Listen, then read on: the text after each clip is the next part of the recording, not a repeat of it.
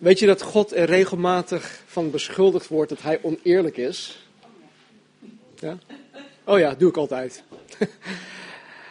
hij wordt er regelmatig van beschuldigd dat hij oneerlijk is, dat hij oneerlijk handelt. En zowel ongelovige als gelovige mensen beschuldigen God hiervan. Ik had een keer een, uh, tegen iemand gezegd dat God voor Marnie en voor mij een reis naar de VS had geregeld. Ook financieel. En uh, de persoon waarmee ik sprak, die vond dat gewoon niet eerlijk. Want die persoon moest er keihard voor werken, die persoon moest ervoor sparen. En ik kreeg het, wij kregen het zomaar op ons schoot geworpen. Kregen we dat van God via.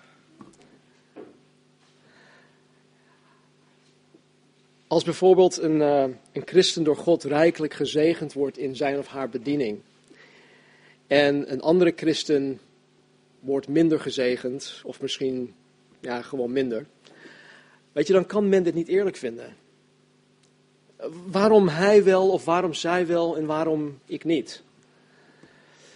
Nou, hoe dan ook, ik ben ervan overtuigd dat de mens eigenlijk niet in staat is om te kunnen beoordelen of God nu wel of niet eerlijk is. Want in alle eerlijkheid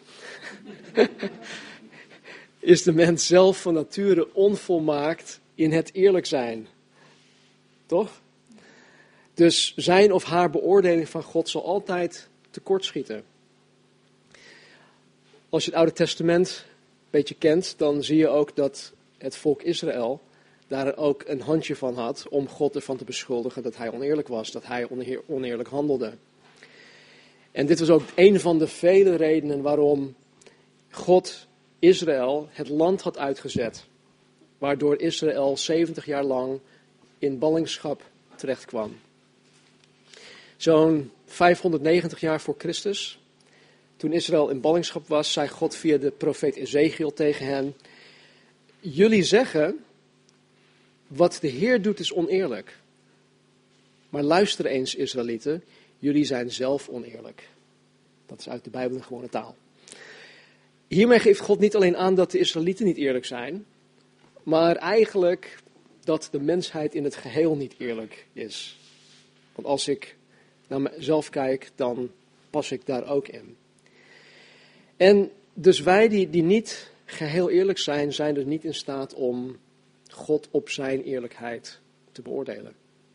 Dus als je vanmorgen gedachten hebt over God, als je dit soort gedachten over God koestert, dan is het echt mijn hoop en ook mijn gebed dat God je vanmorgen door zijn woord, door de Heilige Geest, je van gedachten zal doen veranderen.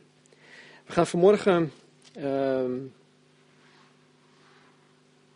ja, we pakken het op in hoofdstuk 19, vers 30, het laatste vers.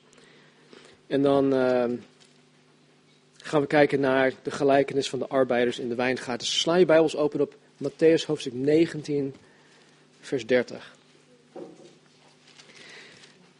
Beetje raar om bij een laatste vers te beginnen, maar dit vers hoort nou eenmaal bij deze gelijkenis. En uh, jullie weten, horen te weten, dat de hoofdstukverdelingen er in de oorspronkelijke tekst niet in stonden. Dat werd door de vertalers erin geplaatst. En soms wordt het nogal, in mijn opinie, een beetje ongelukkig geplaatst. Zoals in dit geval. Maar goed, er staat, maar veel eersten zullen de laatste zijn en veel laatsten de eersten. Want het koninkrijk der hemelen is als een heer des huizes die s'morgens vroeg erop uitging om arbeiders voor zijn wijngaard in te huren. Nadat hij het met de arbeiders eens geworden was voor een penning per dag, zond hij hen zijn wijngaard in. En toen hij omstreeks het derde uur erop uitging, zag hij andere werklozen op de markt staan. Ook tegen hen zei hij: Gaat u ook naar de wijngaard en ik zal u geven wat rechtvaardig is. En zij gingen. Toen hij nogmaals erop uitgegaan was omstreeks het zesde en het negende uur, deed hij hetzelfde. En toen hij omstreeks het elfde uur erop uitging, vond hij weer andere werkloos staan. En hij zei tegen hen: Waarom staat u hier heel de dag werkloos? En ze zeiden tegen hem: Omdat niemand ons ingehuurd heeft. Hij zei tegen hen: Gaat u ook naar de wijngaard en u zult ontvangen wat billig is. Toen het avond geworden was, zei de heer van de wijngaard tegen zijn rentmeester: Roep de arbeiders en geef hun het loon, te beginnen bij de laatsten tot de eerste. En toen ze kwamen, die omstreeks het elfde uur ingehuurd waren, ontvingen zij ieder een penning. En toen de eerste kwamen, dachten zij dat zij meer ontvangen zouden. Maar ook zij ontvingen ieder een penning. Toen zij die ontvangen hadden, moorden zij tegen de heer des huizes en zeiden: Deze laatste hebben maar één uur gewerkt en u hebt ze gelijkgesteld met ons, die de last van de dag en de hitte verdragen hebben. Maar hij antwoordde en zei tegen, hen, tegen een van hen: Vriend, ik doe u geen onrecht. Bent u het niet met mij eens geworden over één penning? Neem wat van u is en vertrek. Ik wil aan hem die het laatst kwam hetzelfde geven als aan u. Of is het mij niet geoorloofd met het mijne te doen wat ik wil? Of bent u afgunstig omdat ik goed ben? Zo zullen de laatste de eerste zijn en de eerste de laatste. Want velen zijn geroepen, maar weinig, weinigen uitverkoren. Tot zover. Jezus zet in, in vers 30 van hoofdstuk 19 een, een, um, een principe neer. Door middel van, van een spreuk. Het is, het is eigenlijk gewoon een, een gezegde, een spreuk. De laatste zullen het eerste zijn, de eerste de laatste. Vervolgens, door middel van de gelijkenis, legt hij dat uit. En aan het eind van de gelijkenis bevestigt hij nogmaals het principe. Dus in vers 30 zien we, maar veel eerste zullen de laatste zijn en veel laatsten de eerste. Nou, de woorden eersten en laatsten, dat, die hebben zowel met, met tijd als ook met, met rang te maken. In de grondtekst. Dus het kan zijn, nou, ik ben de eerste die er was, of ik, was de, ik ben de laatste die er, die er was gekomen. Of ik ben de eerste in rang, of ik ben de laatste in rang. Nou, Jezus gebruikt deze spreuk op verschillende plekken in de evangeliën. Je komt dit, dit vaker tegen. En het is niet altijd in dezelfde context dat hij dit, dat hij dit zegt. In grote lijnen wel, maar er zit toch, ja, uh, zit toch elke keer weer een klein verschil in. Nou, ik moet eerlijk bekennen dat ik het best wel moeilijk vond om dit te kunnen begrijpen. Ik heb mijn woordstudies gedaan, ik heb naar de grondtekst gekeken, ik heb verschillende uh, commentaren geraadpleegd. En ja, ik was op zoek naar een, een of andere diepe theologische betekenis van deze spreuk.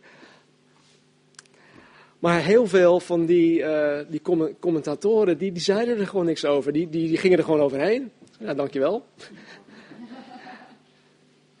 dus ja, ik kwam tot de conclusie dat ik het gewoon anders moest gaan aanpakken. Dus wat ik deed, ik, ik ging gewoon kijken naar het idee. Ik ging kijken naar de, de eerste zullen de laatste zijn. En de laatste zullen de eerste zijn. Nou, ik weet niet hoe jullie denken, maar volgens mijn eigen logica en beredenering kwam ik eigenlijk hierop, hier, hierop ja, terecht. Dat Jezus met de eersten en de laatsten bedoelt dat ze allemaal gelijk zijn. De eerste zijn de laatste. De laatste zijn de eerste. Dus dat, dat blijft maar doorgaan. Snap je? Ik weet niet wat voor uh, redenatie dat is. Eh, Casper en uh, Matthijs weten dat vast wel te benoemen. Die, hebben, die zijn hoog opgeleid. Cirkel, ik weet het misschien. Ik, als jij dat zegt. maar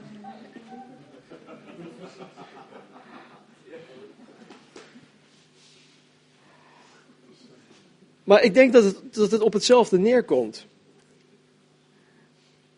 De laatste, de eerste, de eerste, de laatste. Goed, iedereen is gelijk. Laten we daar, daar even van uitgaan. Nou, toen ik het op deze manier begon te zien, werd deze spreuk van Jezus zinnig. Althans, het werd voor mij zinnig. Ik begon het een beetje te begrijpen. En vooral omdat de betekenis van de gelijkenis dit dan ook bevestigt. Althans, ik lees nu de, de gelijkenis door die bril natuurlijk. Maar goed, als je het er niet mee eens bent, prima, dan kan je dat aangeven na de studie. Ja? Niet, niet nu. Veel eerste zullen de laatste zijn en veel laatste de eerste. Want, vers 1, hoofdstuk 20, het koninkrijk der hemelen is als een heer des huizes, die s'morgens vroeg erop uitging om arbeiders voor zijn wijngaard in te huren. Nadat hij het met de arbeiders eens geworden was voor een penning per dag, zond hij hen zijn wijngaard in. Jezus gebruikt weer een gelijkenis en hij vergelijkt het koninkrijk van God En het koninkrijk van God, nogmaals, is het eeuwig leven. Het is waar God regeert, het is waar God heerst. Dus zelfs nu ook. Hij vergelijkt het koninkrijk van God met deze landeigenaar die zijn oogst binnen moet halen en daarvoor land- of uh, dagloners inhuurt om hem daarbij te helpen.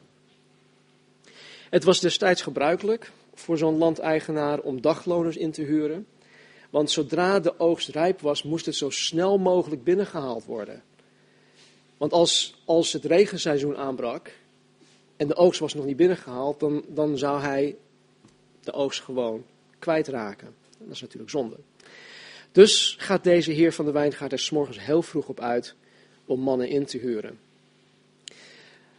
Wij klagen nogal vaak over een 40 of 50-urige werkweek.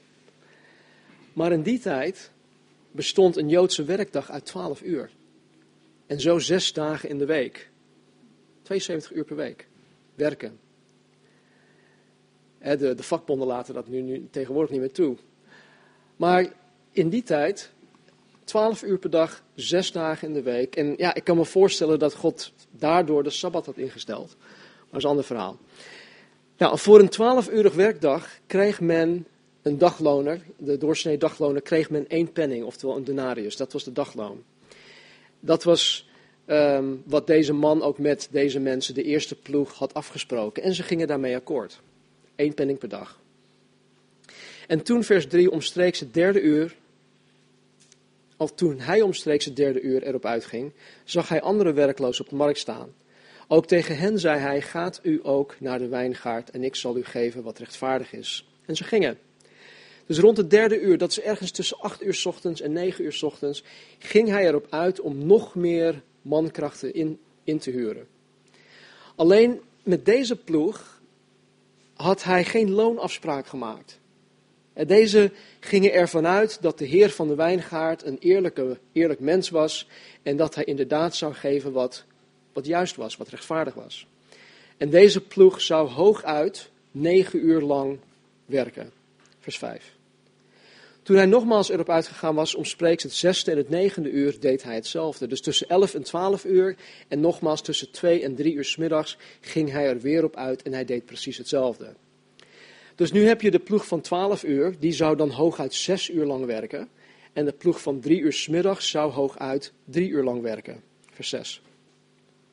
En toen hij omstreeks het elfde uur erop uitging, vond hij weer andere werkloos staan en hij zei tegen hen, waarom staat u hier heel de dag werkloos? En ze zeiden tegen hem, omdat niemand ons ingehuurd heeft.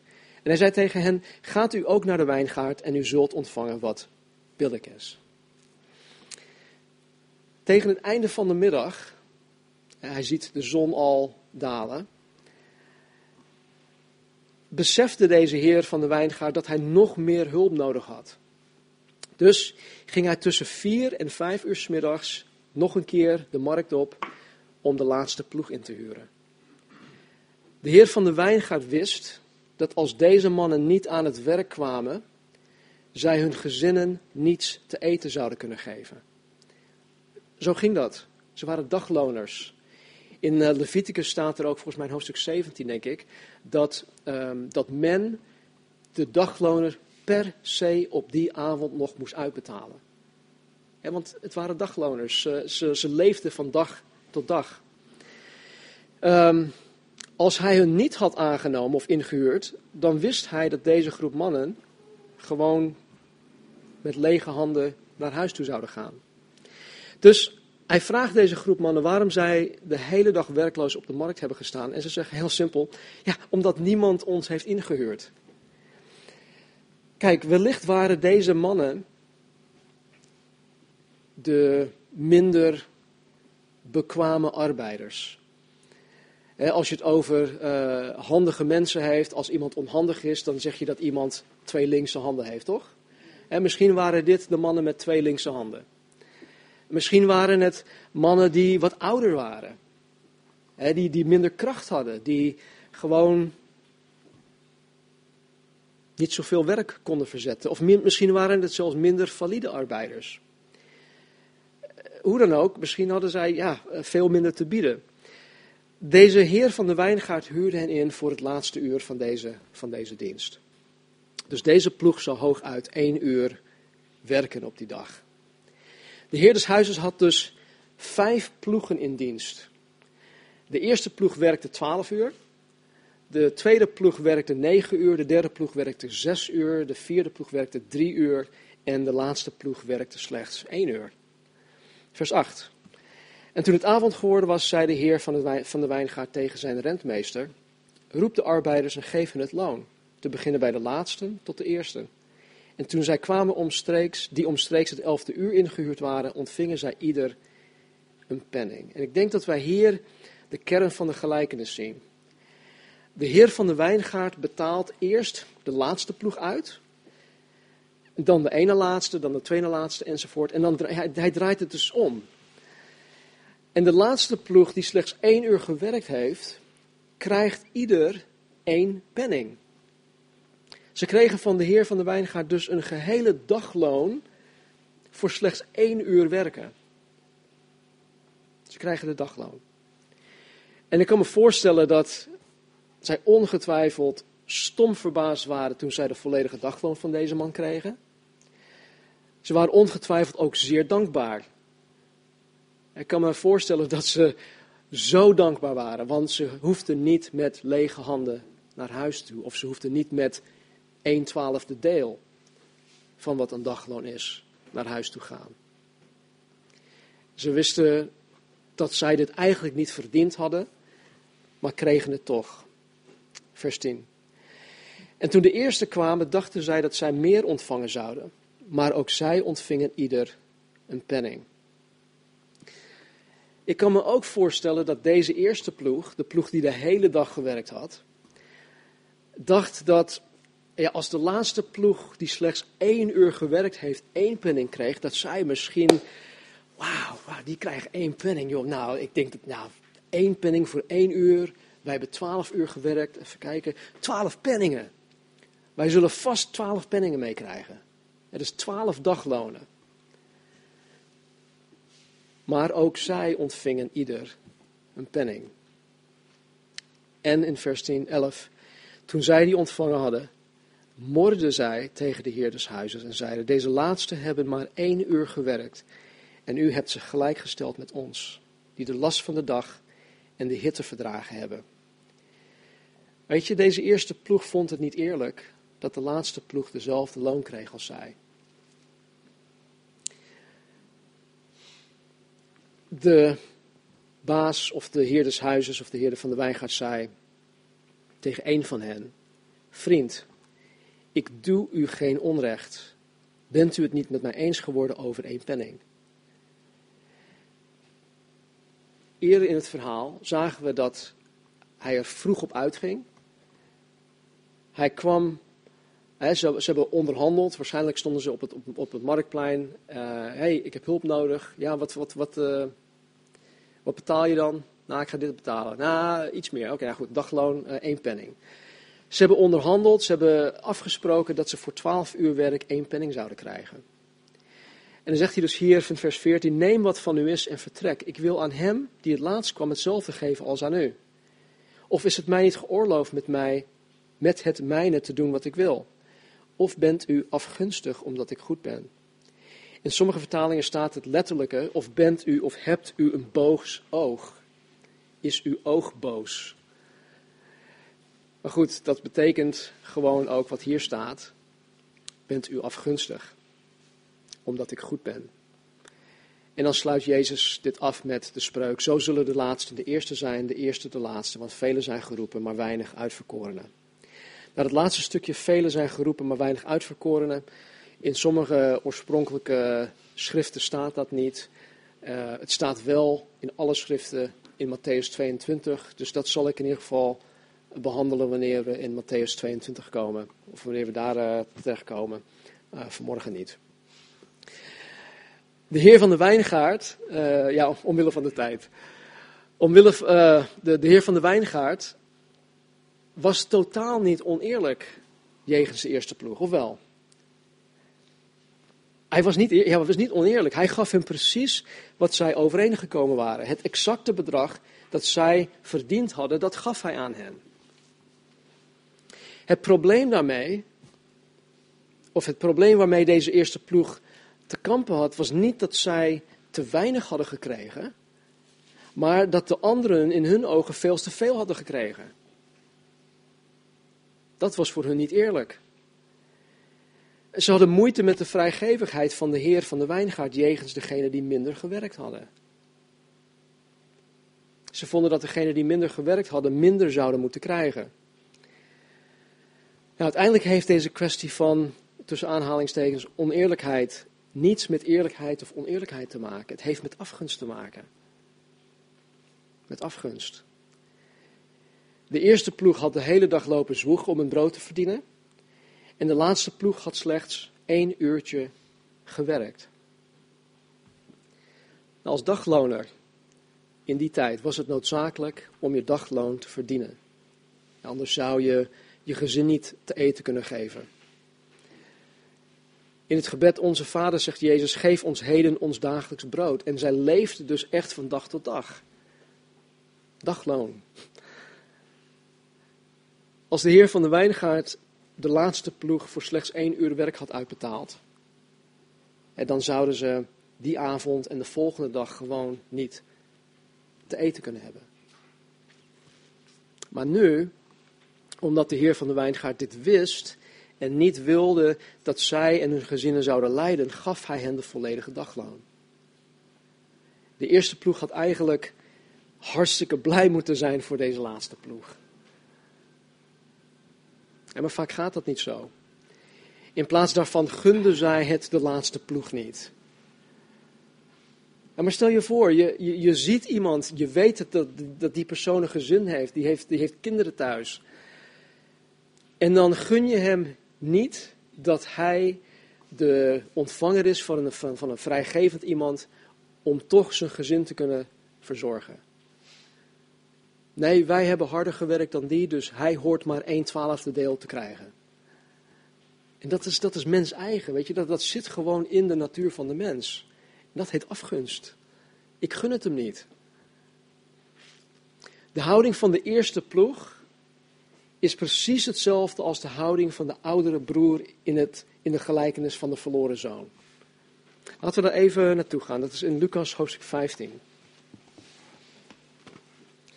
Lucas 15 vanaf vers 11. Lucas 15, 11. En hij zei, dus Jezus, een zeker mens had twee zonen. En de jongste van hen zei tegen zijn vader: Vader, geef mij het deel van de goederen dat mij toekomt, zijn erfenis. En hij verdeelde zijn vermogen onder hen, onder zijn zoons. En niet veel dagen daarna maakte de jongste zoon alles te gelden en reisde weg naar een ver land en verkwiste daar zijn vermogen in een losbandig leven. En toen hij er alles doorgebracht had, kwam er een zware hongersnood in dat land en begon hij gebrek te lijden. En hij ging heen en voegde zich bij een van de burgers van dat land. En die stuurde hem naar zijn akkers om de varkens te weiden. En hij verlangde ernaar zijn buik te vullen met de schillen die de varkens aten, maar niemand gaf hem die. En nadat hij tot zichzelf gekomen was, zei hij: Hoeveel dagloners van mijn vader hebben brood in overvloed en ik kom om van de honger. Ik zal opstaan en naar mijn vader gaan en tegen hem zeggen: Vader, ik heb gezondigd tegen de hemel en tegenover u. En ik ben het niet meer waard uw zoon genoemd te worden. Maak mij als een van uw dagloners. En hij stond op, ging naar zijn vader. En toen hij nog ver van hem verwijderd was, zag zijn vader hem. En deze was met innerlijke ontferming bewogen. En hij snelde hem tegemoet, viel hem om de hals en kuste hem. En de zoon zei tegen hem: Vader, ik heb gezondigd tegen de hemel en tegenover u. Ik ben niet meer waard uw zoon genoemd te worden. Maar de vader zei tegen zijn slaven: Haal het beste gewaad tevoorschijn. Trek het hem aan en geef hem een ring in, aan zijn hand en sandalen aan zijn voeten. En breng hem het gemeste kalf en slacht het. En laten we eten en vrolijk zijn. Want deze, is mijn, want deze, mijn zoon, was dood en is weer levend geworden. Hij was verloren en is gevonden. En zij begonnen vrolijk te zijn. Zijn oudste zoon nu was op de akker. En toen hij dichter bij huis kwam, hoorde hij de muziek en rijdans. En nadat hij een van de knechten bij zich geroepen had, vroeg hij wat er gaande was of wat er aan de hand was. Deze nu zei tegen hem: Uw broer is teruggekomen. En uw vader heeft het gemeste kalf geslacht, omdat hij hem weer gezond teruggekregen heeft. Maar hij werd boos en wilde niet naar binnen gaan. Toen ging zijn vader naar buiten en spoorde hem aan. Maar hij antwoordde en zei tegen zijn vader: Zie, ik dien u al zoveel jaren, heb nooit uw gebod overtreden en u hebt mij nooit een bokje gegeven om met, om met mijn vrienden vrolijk te zijn. Maar nu deze zoon van u gekomen is, die uw bezit met hoeren opgemaakt heeft, hebt u voor hem het gemeste kalf geslacht. En hij zei tegen hem: Kind, jij bent altijd bij mij en al het mijne is voor jou. Wij zouden dan vrolijk en blij moeten zijn, want deze broer van jou was dood en is weer levend geworden. En hij was verloren en is gevonden tot zover.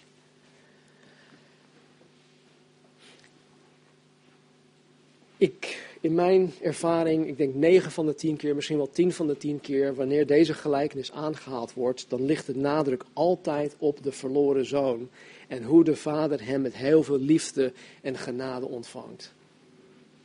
En dit is inderdaad een prachtig beeld van hoe God de Vader ons als verloren mensen ontvangt. Dat is gewoon geweldig, dat is echt een prachtig verhaal.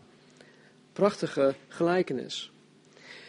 Maar in de context van wat hier in hoofdstuk 14, 15, ook in 16 gebeurt, geloof ik dat Jezus deze gelijkenis gaf om aan de fariseeën en aan de schriftgeleerden duidelijk te maken dat zij waren zoals deze oudste zoon. Zij waren jaloers, ze waren afgunstig. Ik weet zeker dat het bij de fariseeën en schriftgeleerden dat dat kwartje is gevallen. Dat Jezus het over hen had.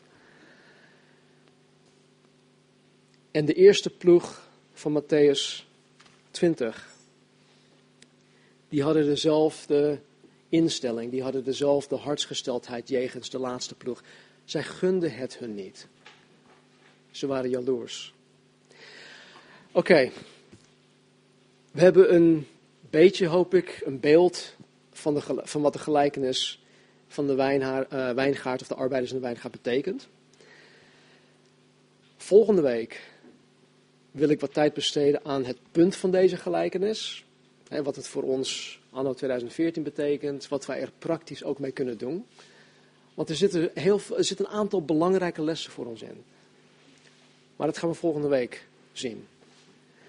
Maar nog even dit in het kort.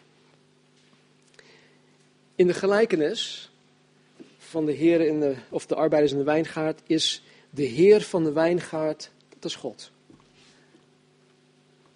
De wijngaard is het koninkrijk van God en het koninkrijk van genade, het koninkrijk van Gods heil, de plaats en de plek waar God regeert. De arbeiders, dat zijn wij. Wij zijn de arbeiders, wij zijn de gelovigen die Gods redding hebben aanvaard. De werkdag in het verhaal is een mensenleven. Vanaf geboorte tot aan zijn of haar dood. Dat is de werkdag, een mensenleven hier op aarde. De avond is de eeuwigheid en de loon, oftewel de penning, vertegenwoordigd is het eeuwig leven. Nou, volgens deze gelijkenis krijgen alle ware gelovigen dezelfde loon. We krijgen allemaal het eeuwig leven. Het maakt niet uit of je bij de eerste ploeg hoort of bij de laatste ploeg. Je krijgt allemaal hetzelfde. Het maakt niet uit of je je hele leven lang de Heer hebt gediend, of als je op je sterfbed in de laatste minuten van je leven hier op aarde Jezus als redder en Heer hebt aanvaard. Het maakt voor God niet uit. Je krijgt dezelfde loon. Je krijgt het eeuwig leven. Dit zullen we volgende week iets verder of iets, ja, iets meer uit gaan werken. Maar Petrus, want dit is naar aanleiding van dat hele gesprek van de, de, rijke jonge man en de vraag van Petrus. Hoe zit het dan met ons? Wat zullen wij krijgen? En, en Jezus geeft dus deze gelijkenis. Maar Petrus, als, ja, als, als je dit dan leest, behoorde tot de eerste ploeg. Hij heeft zichzelf verlogend. Hij heeft zijn kruis omwille van Jezus Christus opgenomen. Hij heeft alles achtergelaten, zei hij. In vers 27, denk ik. Hij heeft de Heere de rest van zijn leven gediend. En hij werd omwille van Jezus Christus ondersteboven gekruisigd. Hij vond zichzelf niet waardig om gekruisigd te worden op dezelfde manier als zijn Heer. Dus hij heeft, heeft gevraagd, kruisig mij maar dan ondersteboven. Zo had je ook de misdadiger die samen met Jezus, Jezus gekruisigd werd. Hij werd voor zijn misdaden gekruisigd. En terwijl hij daar naast Jezus hing, kwam hij tot bekering en Jezus zei tegen hem, heden zult u met mij in paradijs zijn. En dus aan de ene kant heb je iemand van de eerste ploeg, Petrus, echt de allereerste ploeg. Die heeft zijn leven gegeven om Jezus Christus te dienen. Die heeft alles gedaan, die heeft alles achtergelaten. Die heeft gewoon alles gegeven om Christus te dienen. Het andere extreme heb je dan een, een misdadiger die aan het kruis ging. Hij kon helemaal niks meer voor Jezus Christus betekenen. Hij komt tot bekering, hij komt tot geloof en hij is voor eeuwig met God. Hij krijgt het eeuwig leven. En misschien kun je zeggen van ja, oké, nou, hij heeft niks voor Christus betekend.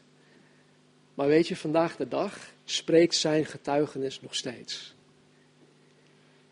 En zijn getuigenis is voor veel mensen een hele grote bemoediging.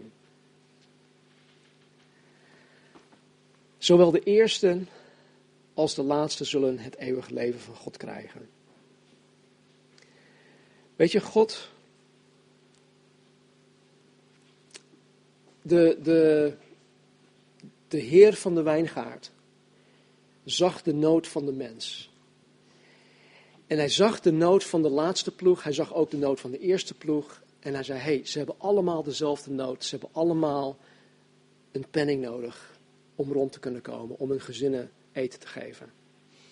Hij wilde niet dat de laatste ploeg minder zou krijgen. En God wil niet dat een mens verloren gaat. En het maakt niet uit of ze van jongs af aan hem al leren kennen en gaan dienen, of echt op het elfde uur of de laatste minuut van het elfde uur. Volgens Petrus, in 2 Petrus 3:9 staat dit. God heeft geduld met ons en wil niet dat enigen verloren gaan, maar dat allen tot bekering komen. Dat is Gods hart voor de mens. God wil dat mensen tot geloof komen. Hij weet wat hen anders te wachten staat. Hij wil niet dat zij verloren gaan. Dus al moet God iemand in het elfde uur redden, dan zal God dat doen. En dat is, dat is genade. Weet je, elke keer als ik iemand op zijn sterfbed tot geloof zie komen, dan, dan schreeuwt, dat dat gewoon van Gods genade. Want ja, als iemand in zijn laatste eh, enkele minuten van zijn leven hier op aarde tot geloof komt, wat heeft die persoon dan nog te betekenen voor het lichaam van Christus en het meebouwen van het koninkrijk van God? Helemaal niks. En toch redt God mensen op die manier. En die persoon zal hetzelfde eeuwig leven krijgen als iemand die 10, 20, 30, 40 of 50 of 60 jaar de Heer heel getrouw heeft gediend. Er zijn geen gradaties van eeuwig leven. Hè? Dus begrijp me goed. Uh, ik heb de Heer 40 jaar gediend, dus ik krijg 40 jaar uh, een, eeuwig leven dat, dat 40 jaar waardig is. Nee. Eeuwig leven is eeuwig leven. Het is voor iedereen hetzelfde. Er is wel iets anders. En dat vertelt de apostel Paulus ons in, uh, in, in de eerste brief van Korinthe. En dat heeft te maken met de werken die wij in Christus doen. Daarvoor krijgen wij speciale beloningen. Dus de beloning voor de werken die zij in Christus gedaan hebben, zullen wel verschillen. De beloning die wij ontvangen, zullen per persoon verschillen. Maar het eeuwige leven, toegang tot het eeuwige leven, dat is voor iedereen hetzelfde. En in vers 17 staat dit, tot 19. En toen Jezus naar Jeruzalem ging, nam hij de twaalf discipelen onderweg apart bij zich en zei tegen hem: Zie, wij gaan naar Jeruzalem en de zoon des mensen zal aan overpriesters en schriftgeleerden overgeleverd worden. En zij zullen hem ter dood veroordelen. En zij zullen hem aan de heidenen overleveren om hem te bespotten en te gezelen en te kruisigen. Maar op de derde dag zal hij opgewekt worden. Dit is volgens mij nu de, de vierde keer dat Jezus het heeft over zijn, zijn lijden. dat hij voor de zonde van de mensheid gekruisigd gaat worden. Dat hij op de derde dag uit de dood weer op zal staan. Toegang tot het eeuwig leven is, is voor mij, is voor ons alleen maar mogelijk doordat Jezus Christus gekruisigd is. Doordat hij zijn, of dat, doordat hij onze straf op zich genomen heeft. Er is geen andere weg mogelijk. Alle andere godsdiensten die dan allerlei dingen roepen, het is niet mogelijk. En daarom zegt Jezus in uh, Johannes 14:6: Ik ben de weg, de waarheid en het leven. Niemand komt tot de Vader dan alleen door mij. Er zijn geen andere wegen mogelijk. En Jezus heeft het nieuw verbond. We hebben het uh, afgelopen donderdag over verbonden gehad in Exodus. En er waren een aantal onvoorwaardelijke verbonden die God met de mens heeft afgesloten. Waarin God zegt: Ik ga dit doen. Punt uit. Er wordt niks van jou verwacht, ik ga dit doen. Vervolgens komt het verbond met Mozes. En dat is dan wel een voorwaardelijk verbond. En dat was dan geldig vanaf Mozes totdat Jezus Christus gekomen was. En dat was een als-dat verbond. Als jullie dit doen, dan zal ik dat doen. Of een als dan. En zelfs nu is het anders. Nu is het niet meer als en dan, nu is het, ik heb het gedaan. Alles is volbracht in Jezus Christus. En Jezus heeft met zijn eigen bloed het nieuw verbond ondertekend. En er staat er ook in Matthäus hoofdstuk 26, terwijl zij aten, nam Jezus het brood en toen hij het gezegend had, brak hij het en gaf het aan de discipelen. En hij zei, neem, eet, dit is mijn lichaam. Hij nam ook de drinkbeker en nadat hij gedankt had, gaf hij hun die. En zei, drink allen daaruit. Want dit is mijn bloed, het bloed van het nieuw verbond, dat voor velen vergoten wordt tot vergeving van zonde. Ik weet niet hoe jullie dat zien hoor, maar ik zelf ben God zo ontzettend dankbaar dat God mij vergeven heeft. En dan niet alleen juridisch, maar God heeft alle schuldgevoelens van mij weggenomen. Het is echt slopend om met schuldgevoel rond te lopen. Zelfs nu, als je christen bent en je doet dingen, je bent met foute dingen bezig en, en je gaat onder die last, onder die schuldgevoelens gebukt door het leven heen. Het is slopend. Er is maar één die ons aanklaagt. Er is maar één. En dat is Satan. Hij wordt in openbaring genoemd de aanklager van de, de, de broeders, van ons. Hij is onze grote aanklager. Maar wat zo mooi is in Romeinen hoofdstuk 8 vers 1 staat iets dat zo ontzettend bemoedigend is voor mij. Er is nu geen verdoemenis voor hen die in Christus Jezus zijn. Er is geen veroordeling meer. Er is niemand die mij kan veroordelen. Want Christus is voor mij gestorven. En ik ben dankbaar dat ik van al mijn zonden ben vergeven. En als ik de fout inga, als ik tekortschiet, als ik domme dingen doe, dan kan ik altijd weer terug naar de Vader. Ik kan altijd terug naar de Vader. Er staat er ook in 1 Johannes iets heel moois. 1 Johannes 1, vers 9. Als wij onze zonde beleiden, Hij is getrouw en rechtvaardig om ons de zonde te vergeven en ons te reinigen van alle ongerechtigheid. We gaan zo meteen het heilige avondmaal nuttigen. En dat geldt voor en ieder die Jezus Christus navolgt. Je hoeft geen lid van de gemeente te zijn. Wij hanteren hier trouwens geen lidmaatschap. Maar als je van Jezus houdt, als je hem toebehoort, als je hem wil navolgen, dan mag je deelnemen aan het heilige avondmaal. Dus wanneer het uh, aanbiddingsteam naar voren komt om, uh, om ons te leiden in een aantal liederen, wil ik jullie vragen om gewoon, als je zonde te beleiden hebt, ga naar de Vader toe. Hij staat paraat, hij is bereid om je te vergeven. Hij wil niet dat je gebukt gaat onder die last. Hij wil niet dat je met schuldgevoelens rondloopt. We krijgen elke dag weer een nieuwe kans. Elke dag mogen wij met een schone lei beginnen. Maar het is dan ook zo mooi als wij tijdens het vieren van het heilige avondmaal er bewust van zijn dat wij vooral vandaag met een schone lei kunnen beginnen. Dus laten we bidden. Hemelse Vader, dank u wel dat u zo geweldig goed bent voor ons. Dank u wel, Heer, dat u geen onderscheid maakt tussen uw kinderen. Dat u de een niet voortrekt en de ander, Heer, opzij schuift. Maar Heer, dat wij allemaal, Heer, eeuwig leven krijgen. En Vader, als wij afgunstig zijn, Heer, als wij jaloers zijn op een broer of een zus, Heer, vergeef het ons alstublieft. Help ons, Heer, om blij te zijn voor elkaar. Help ons, Heer, om, om mee te vieren wanneer iemand anders, Heer, gezegend wordt. Op welke manier dan ook. En Heer, help ons om uw leven, Heer, het eeuwig leven, met beide handen aan te grijpen en nooit meer los te laten. Dank u ook, Heer, dat u ons nooit loslaat.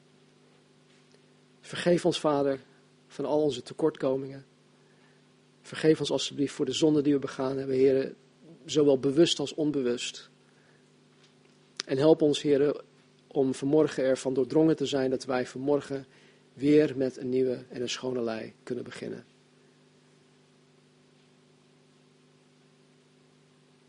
Zegen ons, Heer hierin. Bevestig in ons hart dat wij door U vergeven zijn. En dat wij te allen tijden, Heer, bij U mogen komen om vergeving te vragen. In Jezus' naam. Amen.